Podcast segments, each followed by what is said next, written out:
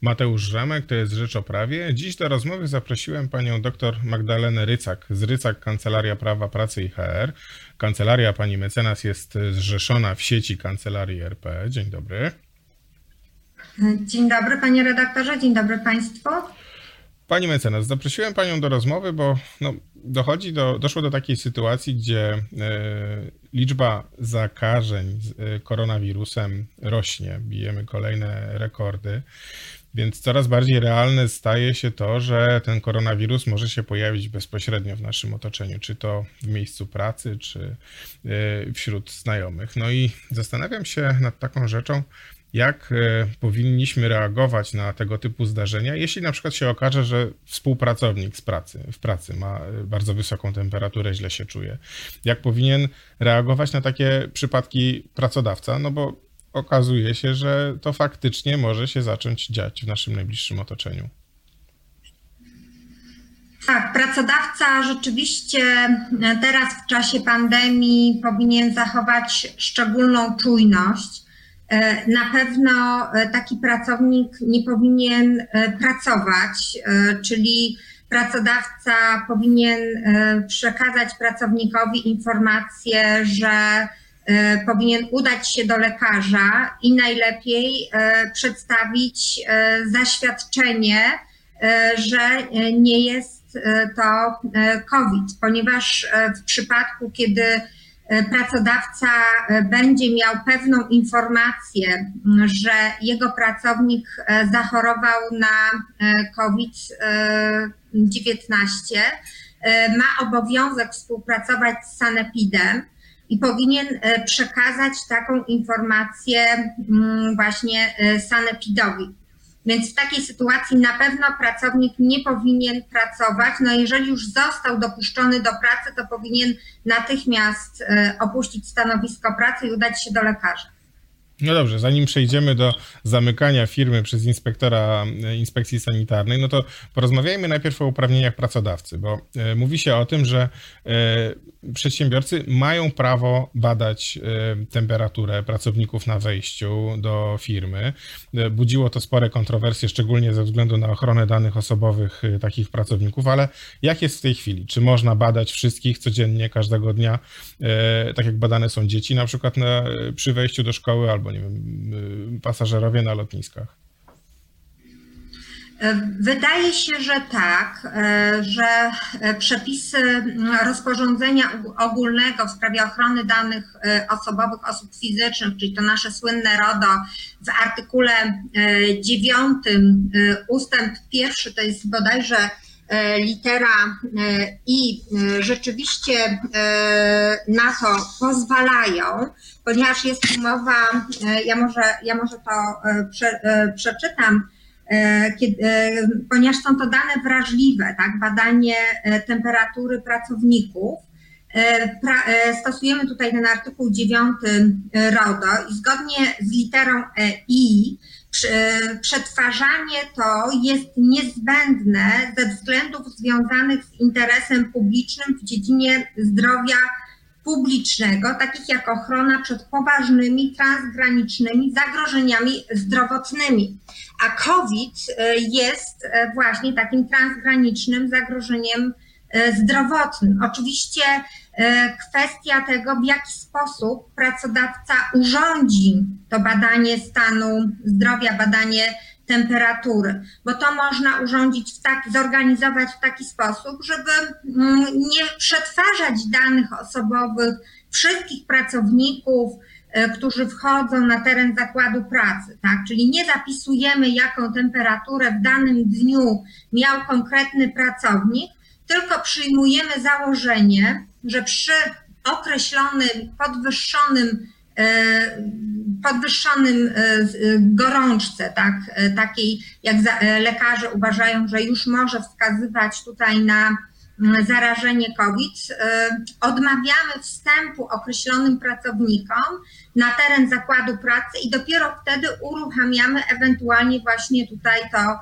przetwarzanie danych osobowych. Mm, wskazujemy, który pracownik ze względu na jaką temperaturę tutaj nie został dopuszczony na teren zakładu pracy. Czyli nie ma tu moim zdaniem potrzeby zapisywania absolutnie codziennie, odnotowywania, mm, jaką temperaturę w danym dniu miał jaki pracownik. Można się też zastanowić nad takimi rozwiązaniami, jeszcze bardziej anonimowymi, tak, że nawet po prostu pracownik, który, e, który ma e, e, jakieś automatyczne badanie temperatury, tak? gdzie, gdzie wiem, że już niektórzy pracodawcy takie rozwiązania stosują, że, że to nawet nie człowiek bada temperaturę, tylko są jakieś tam urządzenia takie termowizyjne, one się chyba nazywają, i po prostu e, osoba, która e, ma ten podwyższony e, stan gorączkowy, nie zostaje wpuszczona na teren zakładu pracy. No dobrze, pani mecenas, ale zakładam też tak, że zdarzają się jednak przypadki, że, że taki zarażony jednak przemknie przez taką kontrolę temperatury. No bywają też przypadki, że ten wirus się nie ujawnia na zewnątrz, ale on jest i jest przez takiego nosiciela roznoszony dalej. I zastanawiam się nad takim przypadkiem, kiedy pracodawca dowie się o tym, że u niego w pracy, faktycznie w jego zakładzie pracy wydarzył się taki przypadek, że już jest zdiagnozowany chory z koronawirusem. I jakie on ma wtedy obowiązki? Czy on czeka, informuje inspektora sanitarnego o takim przypadku i czeka na, na decyzję tego inspektora, kto na kwarantannę, kto, kto może pracować, czy wietrzyć biura, czy zamykać jakieś określone przestrzenie, gdzie, gdzie przebywała ta osoba z wirusem? czy sam decyduje i podejmuje niezbędne kroki, tak żeby y, ograniczyć to ryzyko przeniesienia y, tego koronawirusa na innych pracowników? E, pracodawca na pewno powinien działać w takiej sytuacji dwutorowo. Tak? Z jednej strony zawiadomić na pewno y, inspekcję sanitarną i czekać na decyzję, E, natomiast też e, powinien podjąć tutaj odpowiednie działania sam, ponieważ też przepisy kodeksu pracy nakładają na niego, na pracodawcę określone obowiązki, zwłaszcza jeśli chodzi o zapewnienie bezpiecznych i higienicznych warunków pracy pracownikom. Pracodawca zgodnie na przykład z artykułem 207 e, kodeksu pracy ma obowiązek zapewnić bezpieczne i higieniczne warunki pracy zatrudnionym pracownikom, ale też zleceniobiorcom. Pracodawca ma określone obowiązki informacyjne, na przykład zgodnie z artykułem 207 z indeksem 1 paragraf 1 pracodawca ma też obowiązek informować pracowników o zagrożeniach dla ich życia i zdrowia na stanowiskach pracy, na których wykonują pracę. Więc pracodawca e, wie, e, no na pewno oczywiście, jeżeli to jest konkretny pracownik, to już to wie, na, jakich, na jakim stanowisku ten pracownik pracował, potencjalnie z którymi pracownikami mógł się e, spotykać więc ten pracodawca powinien przekazać e, pracownikom z danego działu, jeszcze na razie najlepiej nie ujawniając samych danych osobowych e, tego konkretnego pracownika, bo tu jest rzeczywiście spore ryzyko naruszenia jakichś ewentualnych dóbr osobistych tego pracownika. Natomiast powinien poinformować już pracowników, z którymi ewentualnie dany pracownik mógł mieć styczność o tym, że jest potencjalne zagrożenie E, że mogli oni się zarazić koronawirusem. No i oczywiście ci pracownicy e, też powinni udać się na ewentualne właśnie tutaj e, badania pod kątem, czy nie są zarażeni. Też najlepiej, gdyby pracodawca już odizolował ich od pozostałych pracowników, niezależnie od wyniku, czy przyniosą potwierdzenie, czy zaprzeczenie, że są zarażeni, ponieważ no, pracodawca musi zrobić wszystko, co w jego mocy, żeby zmniejszyć to ryzyko wybuchu. Mm, trudno mówić tutaj o jakiejś e, epidemii na skalę zakładów pracy, tak, ale wy, rozprzestrzeniania się na większą liczbę osób e, tego, tego wirusa. Więc nie może na pewno pracodawca siedzieć z założonymi rękoma i czekać, co zrobi inspektor sanitarny, bo on ma swoje oczywiście odrębne procedury i E, swoje tutaj te procedury wdroży, natomiast pracodawca też ma określone obowiązki i nie wszystko spoczywa tu na barkach inspektora sanitarnego. No dobrze, pani mecenas, ale pracodawca ma także obowiązki, zanim do, dojdzie do przypadku za, zakażenia któregoś, współpra- z któregoś z pracowników, bo zgodnie z przepisami rozporządzeń wydawanych przez y, ministra zdrowia trzeba zachowywać odpowiedni dystans pomiędzy pracownikami. Tam, gdzie trzeba, trzeba y, montować y, plexiglasowe przesłony, muszą być płyny odkażające i wiele, wiele innych norm zostało określonych w przepisach dość precyzyjnie i zastanawiam się, czy wizyta inspektora sanitarnego, wizyta sanepidu w takiej firmie, gdzie został zdiagnozowany przypadek koronawirusa, może się skończyć także mandatem dla takiego przedsiębiorcy, jeśli się okaże, że te przepisy nie były do tej, do tej pory przestrzegane, że właśnie na przykład nie było płynu do dezynfekcji rąk, że nie było tych odległości pomiędzy pracownikami, no że nie, nie, nie stosowano się do tych norm nakazanych przez rząd. Z taką możliwością pracodawca też się musi liczyć. Jeżeli e, rzeczywiście nie, e, nie przestrzegano tych e, zalet, nawet nie zaleceń, przepisów, konkretnych rozporządzeń, to pracodawca też musi mieć świadomość, że dodatkowo inspektor może tutaj nałożyć na niego karę. No dobrze, pani mecenas, a jeszcze pytanie o odpowiedzialność pracodawcy, no bo on ma zgodnie z przepisami obowiązek e, e, zapewnić bezpieczne i higieniczne e, warunki pracy. A co jeśli od takiego chorego pracownika zarażą się inni jego współpracownicy? Czy przedsiębiorca powinien się także liczyć z odpowiedzialnością właśnie za odszkodowawczą, chociażby za to, że, że jedni pracownicy od drugich pracowników pozarażali się w godzinach pracy koronawirusem? E, taka możliwość też e, istnieje w sytuacji, kiedy pracodawca mm, jakby zaniechał swoich obowiązków, tak? Czyli e, właśnie te mm, zasady, o których właśnie pan redaktor wspominał, nie były przestrzegane.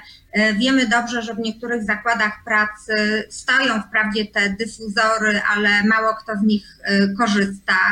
E, że pracownicy mm, nie zachowują takich dystansów, e, jak, e, jak powinny one wyglądać.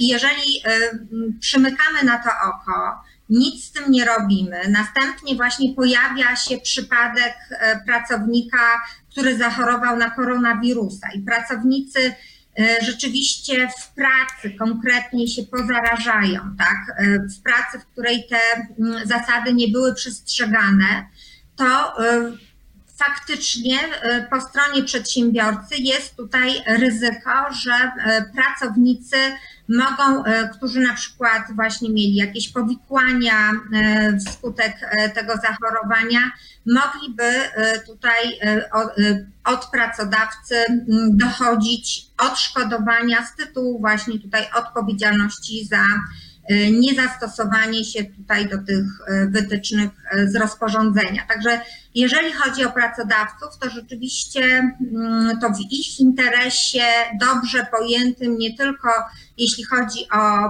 zachowanie tego dobrostanu, dobrego stanu zdrowia pracowników, ale też wyeliminowanie ryzyko, ryzyka ewentualnych spraw sądowych E, ze strony zarażonych pracowników, e, czyli pracodawcy powinni dbać o to, żeby e, te mm, obostrzenia były nie tylko na papierze, ale żeby rzeczywiście były przestrzegane w zakładzie pracy.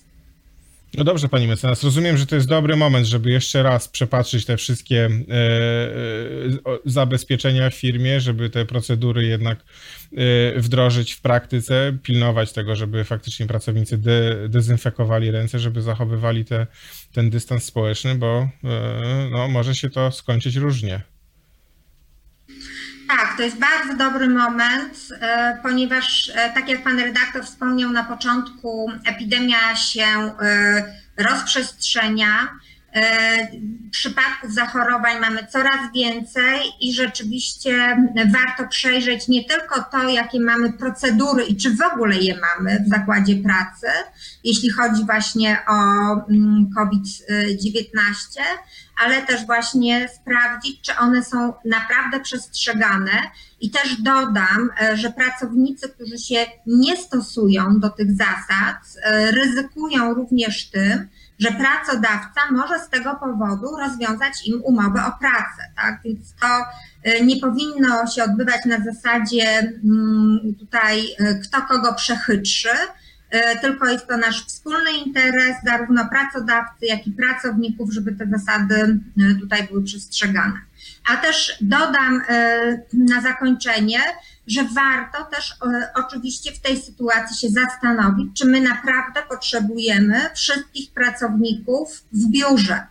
E, czy nie lepiej jednak na ten czas e, COVID-u pozostać przy pracy zdalnej, ewentualnie wprowadzić jakieś rozwiązania hybrydowe, e, bo na, na pewno w ten sposób minimalizujemy to ryzyko zachorowania, no przynajmniej w pracy. Bardzo dziękuję pani mecenas za rozmowę. Moim i państwa gościem była pani dr Magdalena Rycak z Rycak Kancelaria Prawa Pracy i HR. I przypomnę tylko, że kancelaria jest zrzeszona w sieci Kancelarii RP. Bardzo dziękuję. Dziękuję bardzo. Do widzenia.